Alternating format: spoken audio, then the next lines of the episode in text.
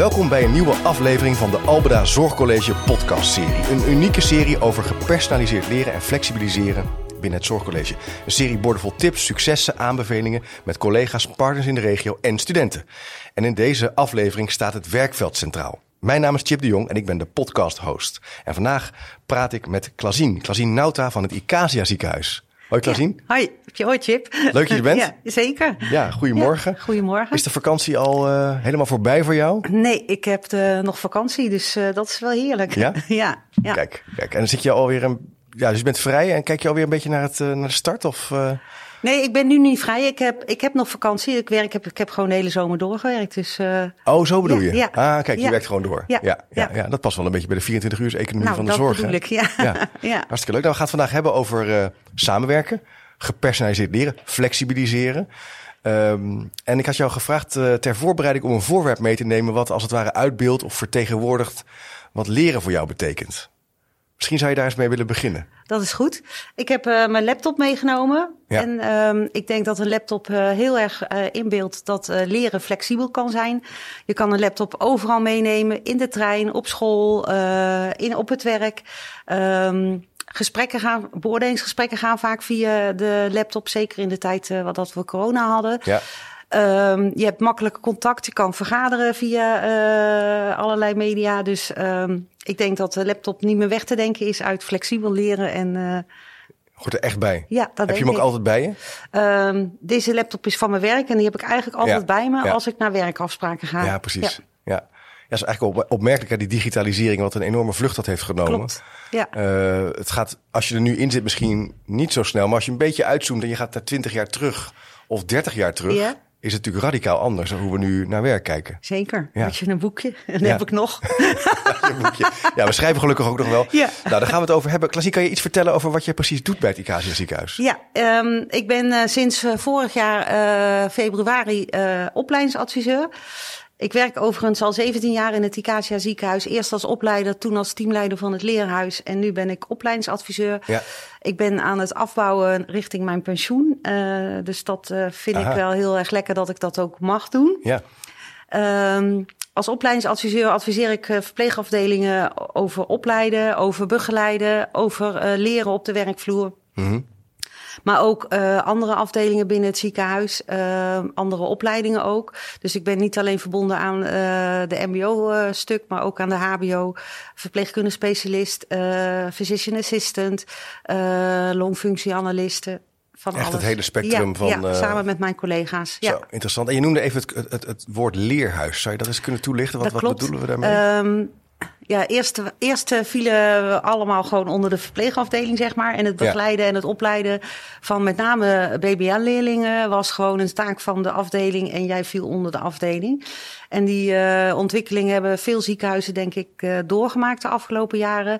Dat ze of een academie hebben gekregen of een leerhuis. En dat betekent dat we dus uh, de begeleiding veel verder van de werkvloer hebben getrokken. In die zin dat de werkbegeleiders de echte begeleiding doen op de afdeling. Dus dat zijn gewoon de verpleegkundigen. Ja.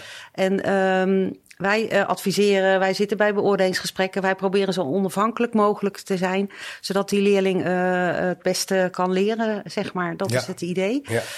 Uh, daarnaast is het ook zo dat wij verantwoordelijk zijn voor een leermanagementsysteem in het ziekenhuis. Zodat iedereen e-learnings kan maken bij en nascholingen.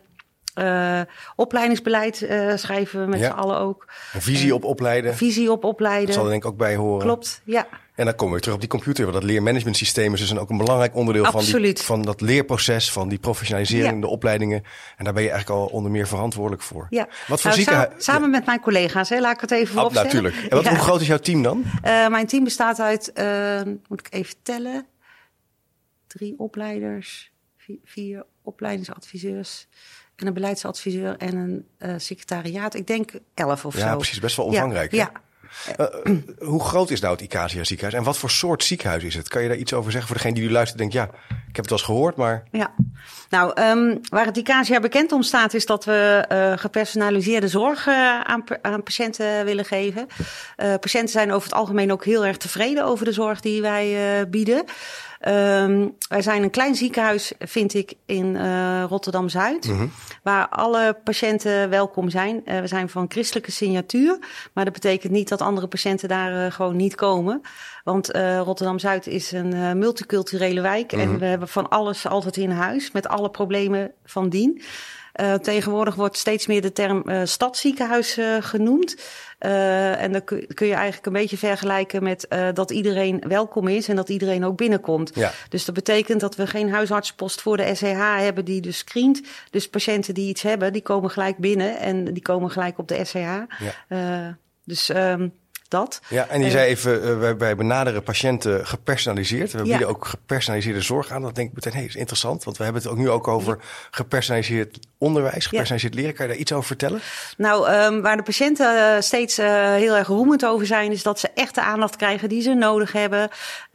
dat we meekijken met de behandeling die ze nodig hebben. Ja. en dat is gewoon, denk ik, heel fijn. En dat je het op maat maakt wat, wat hij of zij nodig heeft. Qua revalidatie, voorbereiding voor een operatie bijvoorbeeld. Ja, ja. Ja, en, okay. um, nou ja, daar, maar dat doen heel veel ziekenhuizen hoor. Daar zijn wij niet echt heel bijzonder in. Maar ik denk dat het uh, ook meekomt omdat. Um, ja, uh, bij ons zijn uh, verpleegkundigen over het algemeen heel vriendelijk naar patiënten toe. En dat heeft ook wel te maken met de christelijke signatuur vanuit vroeger, ja. denk ik. Uh, het, als je binnenkomt, dan voel je eigenlijk al de sfeer van het ziekenhuis. Ja. Uh, en die voel je, vind ik, minder in andere ziekenhuizen. En, uh, iets dat bijzonders. Vind, dat vind ik heel leuk. Ja, iets in het DNA bij jullie, de, waarden. Ja. Weet je, als je bijvoorbeeld als patiënt binnenkomt, dan kom je bij zo'n uh, paal waar je je moet registreren tegenwoordig. Ja. Maar daar staan allemaal gastvrouwen en gastmannen die uh, oh, ja. je dan helpen op weg om als je het niet weet. Ja. We hebben ook natuurlijk een hele grote groep oudere mensen die daar natuurlijk ook best moeite mee hebben af en toe. Uh, dat alles zo gedigitaliseerd is. Ja, want die computer dat. waar we het in het begin over hadden is natuurlijk ook voor sommige mensen een uitdaging. Klopt. En daarom is juist dat persoonlijke contact ook zo belangrijk. Ja, ja, Wat maakt dat patiënten en cliënten Klopt jullie ziekenhuis zo ja, waarderen. Ja, en als je het vertaalt naar ons werk als uh, opleiders en opleidingsadviseurs, wij vinden het gewoon heel belangrijk dat je de mensen, waar, de afdelingen waar je aan toegewezen bent, dat je die kent. Ja. Dus dat je ook gewoon koffie gaat drinken, dat je weet wat er speelt, uh, dat je ook kan inleven van als het heel druk is van nou, nou gaat een gesprek een keer niet door of uh, ja, weet je. Dat dat, dat logisch is. Ja. Ja. Dus persoonlijk contact, echt je afdeling Precies. kennen. En, en kan je iets vertellen over hoe, je, hoe jij en jullie als team samenwerken met het Albeda College? Uh, ja. wat, voor, wat, voor, wat voor studenten bijvoorbeeld, uh, de omvang, uh, type samenwerking. Misschien kan je het een beetje even ja. neerzetten. Ja. Um, wij hebben, van het, wij hebben al een hele lange samenwerking met het Albeda College vanuit de oorsprong van dat het vroeger natuurlijk de Prinses Margriet School uh, was. Ja. Uh, toen werkte ik hier nog niet, maar dat hoor ik dan wel. En um, vroeger hadden we natuurlijk de in-serviceopleiding uh, bij het Albeda ondergebracht. Die is natuurlijk veranderd. Ja. Dus we hebben nu een uh, leerlingverpleegkundige BBL vanaf het derde jaar. Ja. We hebben stagiaires, uh, BOL vanaf het eerste jaar. Uh, we hebben ook doktersassistenten BBL en ook doktersassistenten BOL. Um, en we hebben een, sa een samenwerkingstraject. Oh, wacht. Ik zit achter mij is een meneer, loopt op het dak en die is met steentjes het dak uh, aan het, uh, ja, een beetje aan het schoffelen. En dat horen we een beetje op de achtergrond van de podcast. Werkend leven gaat door gewoon, hè? Het werkende leven gaat door. De meneer van het, op het dak is uh, ja, een beetje weg van het raam. We hebben de raam ook dicht gedaan, dus we gaan gewoon door, Klaasien. Maar waar waren we nou gebleven? We waren gebleven bij het feit dat ik wilde gaan vertellen... dat we een bol BBL-traject samen ja. met het Albeda hebben opgezet... met een aantal andere ziekenhuizen. En dat betekent dat we leerlingen, zeg maar, die te jong zijn... Uh, wel het bol dat we uh, zeg maar ze selecteren al bij het ziekenhuis. Ja. Uh, dat we ze gedurende het boltraject ook stages bieden. Dat we ze meer kennis laten maken met het ziekenhuis. En dat ze dan uiteindelijk makkelijker instromen in het BBL-traject in het derde jaar. Dat is het idee. Ja.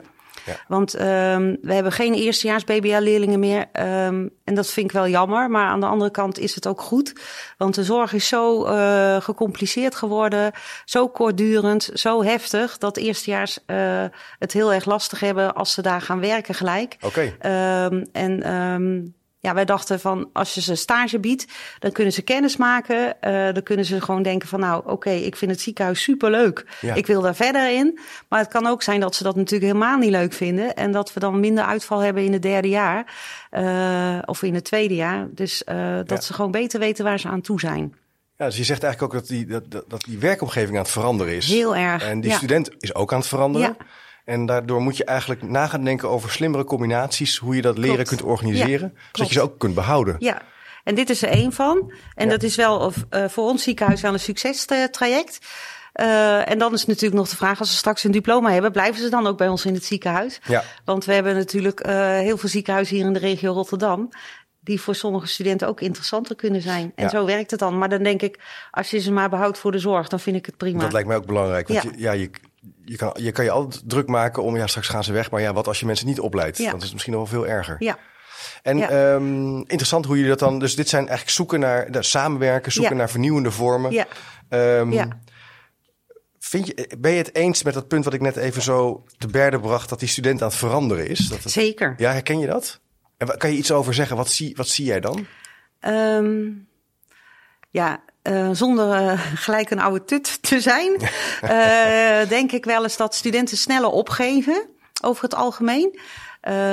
Dat ouders veel grotere invloed hebben op wat de studenten kiezen en wat ze zouden moeten gaan doen. Ja, en ik vind ook dat de studenten veel dingen tegelijk willen, allemaal. En dan denk ik, jee, doe eerst, haal eerst gewoon je diploma en ga dan verder. ja. Ehm, maar dat hoort denk ik ook bij de leeftijd. En misschien had ik dat zelf ook wel, maar weet ik dat gewoon niet meer. Ehm, maar ze, hebben, ze gunnen zichzelf geen tijd. En dan denk ik, joh, je bent pas twintig. ja rustig Eh, aan. rustig aan. Je hebt toch je hele leven voor je. ja. En het risico daarvan is dat ze ook sneller afgebrand zijn. En dat vind ik gewoon zonde. Ja. Interessant, want het hangt een beetje samen met het eerste punt van sneller opgeven. Je, je zou kunnen zeggen, ze, ze maken sneller een besluit. Ik stop ergens mee. Of ik, Bijvoorbeeld. Of het loopt net niet zoals het zij loopt het... niet, en dan is het niet Ja. oké. En, dat ging en en dus veel dingen oppakken, Ja. snel ergens mee stoppen. In ieder geval in relatie tot vroeger. Er komt natuurlijk ook veel meer op je af. Er is veel meer te zien en te kiezen. Klopt. In ieder geval dat Ja. idee hebben studenten ook. Klopt. En dat krijg je natuurlijk ook dan in je opleidingstrajecten. Ja. Ja, Ja. ja. En ehm, dat is wel zo. Het onderwijs sluit natuurlijk niet altijd aan op wat je in de praktijk eh, gaat zien. Eh, dat kan ook niet, want het onderwijs is gewoon super breed en dan kan je in alle werkvelden werken. ja. Ehm, en dat is ook wel eens een mismatch. Eh, weet, je, dan heeft, weet je, dan passen de opdrachten die een student doet niet zo goed bij de praktijk. Dus dan moet je wel eh, meehelpen om een soort vertaalslag te maken. ja.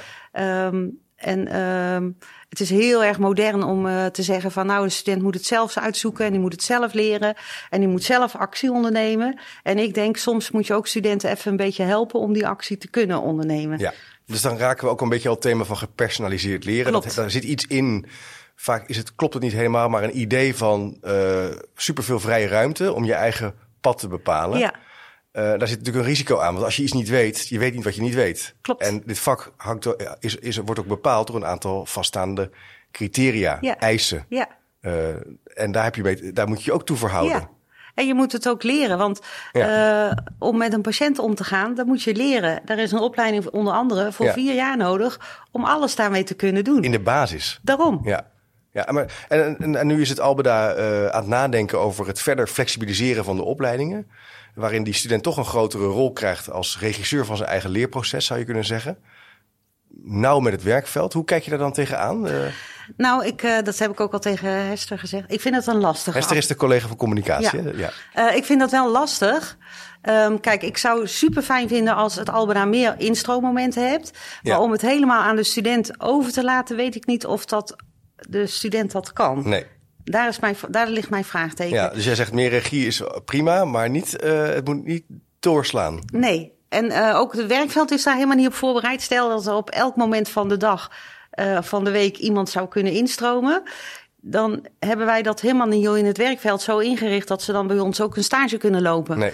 En dan zijn de verwachtingen natuurlijk op het werkveld heel anders als dat die student eigenlijk nodig heeft. Ja, ja jullie lopen tegen een aantal organisatievragen dan aan. Van ja, ja. eh, interessant idee, die flexibele instroom, flexibele vormen van eh, leren en werken. Maar hoe moeten wij dat aan onze kant dan organiseren? Nou ja, daar zouden we wel ondersteuning bij eh, nodig Ja. hebben, denk ik. Ja, Ehm, want net wat ik zeg, weet je, zeker als ze, als ze stagiaire zijn, staan ze overgepland. Maar als ze leerling zijn, staan ze ook gewoon in het rooster. En dan moet je natuurlijk wel iets van hun kunnen verwachten, wat ze in die zorg kunnen leveren. ja, ja. En dan mogen ze natuurlijk aanleren. Maar hoe dat dan vorm moet krijgen, daar ben ik dan wel super benieuwd naar. Ja, ja, Ja. dat is wel, een van de vragen waar hard aan wordt gewerkt om daar eh, in- over na te denken. Ehm, zodat die student toch eh, nou ja, meer regie kan hebben, maar dat er ook eh, zich ook kan verhouden tot dat vaststaande beroep. En ook het beroepbeeld kan, zich kan bekwamen daarin. Ja. Ja. En ik ben er echt tegen van bewust. Ook wij in het ziekenhuis moeten daarin veranderen. Maar dat, is, dat loopt ook niet zo snel. Nee? Maar vertel, Kan je iets vertellen? Wat is iets waarvan jullie zeggen... daar moeten we ook wel in de spiegel kijken als, als ziekenhuis... hoe wij kijken naar opleiden? Um,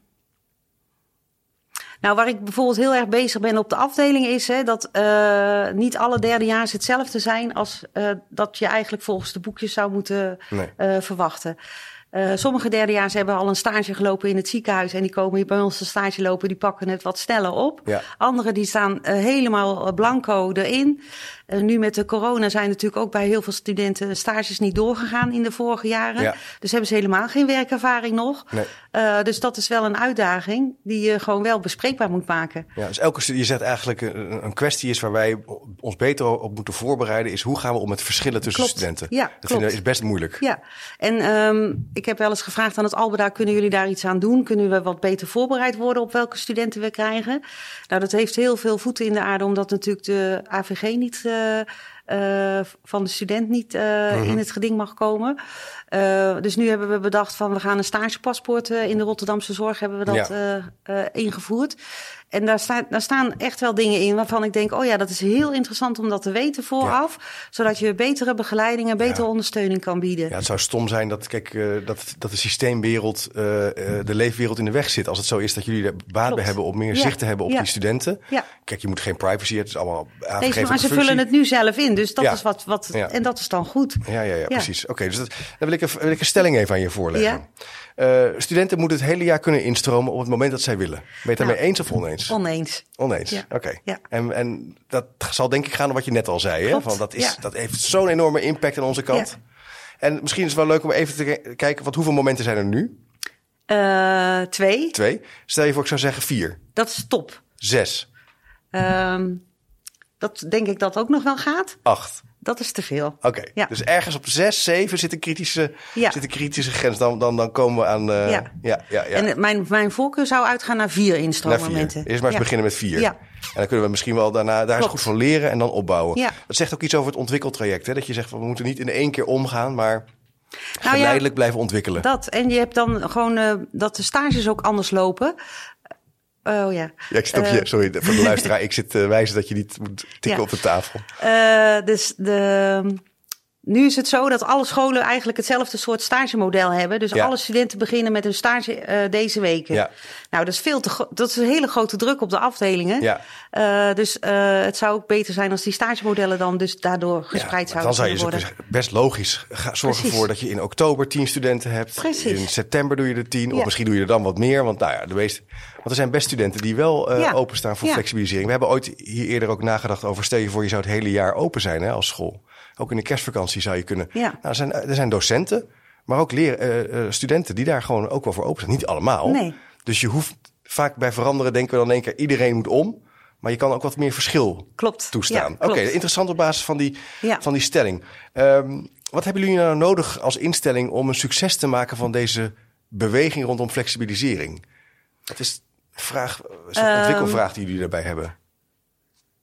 Nou, um, Sowieso hebben we ondersteuning van de school daarbij nodig. Van het Albeda? Ja, van het Albeda. Ja. En wat betekent dat dan? Um, nou, wat ik bijvoorbeeld heel graag zou zien, is dat uh, docenten uh, ook bij de begeleiding van de studenten betrokken zijn. Ja. Uh, en dat is gewoon minder. Bij de ja. ene docent is het heel goed en bij de andere is het gewoon veel minder. Oh ja. Er is verschil tussen, tussen ja. de, de kwaliteit, er is een kwaliteitsverschil, Klopt. om het even plat te zeggen. Ja, en um, zeker zeker bij de bolstudenten vind ik dat het Albeda uiteindelijk eindverantwoordelijk is voor de opleiding. Dus ik vind het fijn als, als docenten bij beoordelingsgesprekken bijvoorbeeld aanwezig zijn. Ja. Maar bijvoorbeeld ook als ze eens een keer tussendoor komen om te kijken hoe gaat het nou eigenlijk met die student. Ja. Dat je niet alles alleen via de student hoort, maar dat ze ook zelf kunnen zien van nou, zo acteert die student nou op de afdeling. Je zou eigenlijk meer, meer verbinding willen voelen en, en, zien. Dus ja. dat je meer met elkaar optrekt en dat je ook af en toe in die, op die werkomgeving bent. Er zijn dus uh, docenten en collega's die dat doen. Ja. En uh, daar kunnen we denk ik ook wat, wat van leren. Dus ja. het zijn misschien leuk om even op het eind na de uitzending ja. wat namen te horen. Want dan kunnen we die opzoeken. Ja. En dat zijn misschien, wat, wat hebben die collega's dan? Die gaan gewoon op de fiets naar jou toe. Of wat, wat doen die Nou dan? ja, dat zou ik het liefste willen, maar soms is het ook via Teams. Nou ja, de Eh, computer. Komen we weer op het precies, begin, hè? Ja. Ja. Ehm, maar zij, de, en dat snap ik ook wel. Voor hun is het natuurlijk heel lastig om voor één student naar het ziekenhuis te gaan. Dus Ja. ehm, wat we nu eigenlijk, we hebben ook twee leerafdelingen op de afdeling eh, op, in het ziekenhuis. En dat zou, daar zou ik ook heel graag de school wat meer bij betrokken Ja. eh, willen zien. Maar eh, dan is het wel afhankelijk van hoeveel studenten zitten er op die leerunit van het Albra. En ze zijn natuurlijk niet alleen van het Albra. Nee. Ze zijn ook van het Hoornbeek en van, het, van de Hogeschool Rotterdam. Ja. Dus ja, hoe ga je dat dan doen? Weet je wel, want eh, ja, het Albra heeft daar natuurlijk ook eh, normen voor. Van zoveel mag een student eh, of een docent dan in het ziekenhuis zijn bij zoveel studenten. Ja, ja, ja. En ehm, ja, als wij, wij zijn natuurlijk een klein ziekenhuis, dus als we dat niet halen, dan moeten we daar ook wel weer een beetje flexibeler mee omgaan. Maar Clausine, dat denk ik eigenlijk brengt mij een beetje op mijn derde stelling, eh, of de derde in de rij. Eh, het is tijd om meer over de grenzen van onze instellingen heen te durven Zeker, kijken. ja. Daar ben je denk ik mee eens. Ja. Want je zou kunnen zeggen, eh Hoornbeek, een hogeschool, ga bij elkaar zitten. Precies. Zorg dat er één iemand is Ja. de hele week of twee dagen van de week. Eh, organiseer slimme systemen. Ja, En dan krijg je natuurlijk uitwisseling, want die, die kruisbestuiving tussen MBO en HBO is toch aan. Hè, een leven lang leren betekent ook dat dat veel makkelijker zou kunnen. ja. Dus we moeten Ja. ook wat meer over de grenzen heen Ja. kijken. Ook als opleidingsinstituut, als school. Ja. Ja. En ik denk dat de Rotterdamse zorg daar wel een heel goed voorbeeld voor is. en Ja, wat we is dat voor degene die nu eh, luistert? eh? Dat zijn alle eh, gezondheidsinstellingen in de regio bij aangesloten. Ja. En ehm, wij hebben daar een opleidingsnetwerk, eh, voor opleidingsmanagementnetwerk. En daar worden allemaal slimme dingen bedacht. Ja. Onder andere over hoe je anders kan begeleiden. Ook over dat stagepaspoort hebben we natuurlijk met z'n allen Ja. bedacht. Maar daar hebben we ook over gesproken over de stagemodellen. En dat, is, dat ligt er dus nog. Ja. Terwijl dat wel een hele grote prioriteit van de, eh, on- van de gezondheidsinstellingen is. Ja, dat is een belang- belangrijk netwerk, Ja. de Rotterdamse Ja, zorg. zeker. Het is goed dat je het Ja. even noemt, leuk. Ja. Dus daar moeten we zeker blijven, op blijven inzetten. ja, Dat is ja. belangrijk voor jullie Ja. ook. Ja. Ja. ja. Leuk. Waar wordt het dan spannend de komende jaren? Je hoort heel veel nu vanochtend nog op de radio. Hè? Ik het zag is het al in de, in de app, ja. ja, 22 augustus, als we het opnemen. Ja. eh, grote tekorten. En eh, hoe gaan we om met, met, met uitval? eh, gratis maken van de opleidingen. Speelt ook in het onderwijs overigens. Ja. Hoe kijk jij daar tegenaan? Ehm, nou, om eerlijk de waarheid te zeggen, maak ik me best zorgen over de gezondheidszorg in Nederland. Ehm, eh, als ik zie hoeveel, zeg maar, we hebben een aantal jaren geleden heel erg ingespeeld op dat MBO'ers ook HBO'ers moesten gaan worden. Ja. En dan hoor ik nu dat eh, toch het grootste gedeelte aan zorg straks door MBO'ers geleverd zou moeten worden. En dat daar een groot tekort eh, in gaat eh, komen. dan denk ik, goh, hoe hebben we zo de plank weer mis kunnen slaan? Weet Ja. je wel? Ehm, ik vind soms dat het eh, te weinig eh, lang vooruitgekeken wordt. Ja. Eh, weet je, we weten al honderd jaar dat er een grote groep ouderen aan gaat komen. En die Ja. wordt steeds groter. En die heeft ook zorg nodig. Je kan dat, vind ik, ook niet allemaal aan mantelzorgers overlaten. Nee, nee, nee, dat gaat niet. Want dat is gewoon hartstikke zwaar. Maar dat is een belangrijk punt. Je zegt, we zitten eigenlijk in een, toch een fundamenteel punt in onze samenleving om op een lange termijn Tuurlijk. strategisch te gaan kijken. Ehm, en wat je even zo in het begin zei, ja, van MBO doorstromen naar HBO, hoger, hoger, hoger. Leuk, hartstikke goed. Het is een Ja. lange tijd eh, beleid geweest. Ja. Kabinet Balkenende begon daarmee. Ja. Ja. Grotere toename van het hoger onderwijs, maar het heeft ook consequenties. Ja, Ja, Ja, ja. en ehm, ik denk ook gewoon, weet je, ehm, als ik straks in een verzorgingshuis zit of in een verpleeghuis, hoop ik dat het er nog is.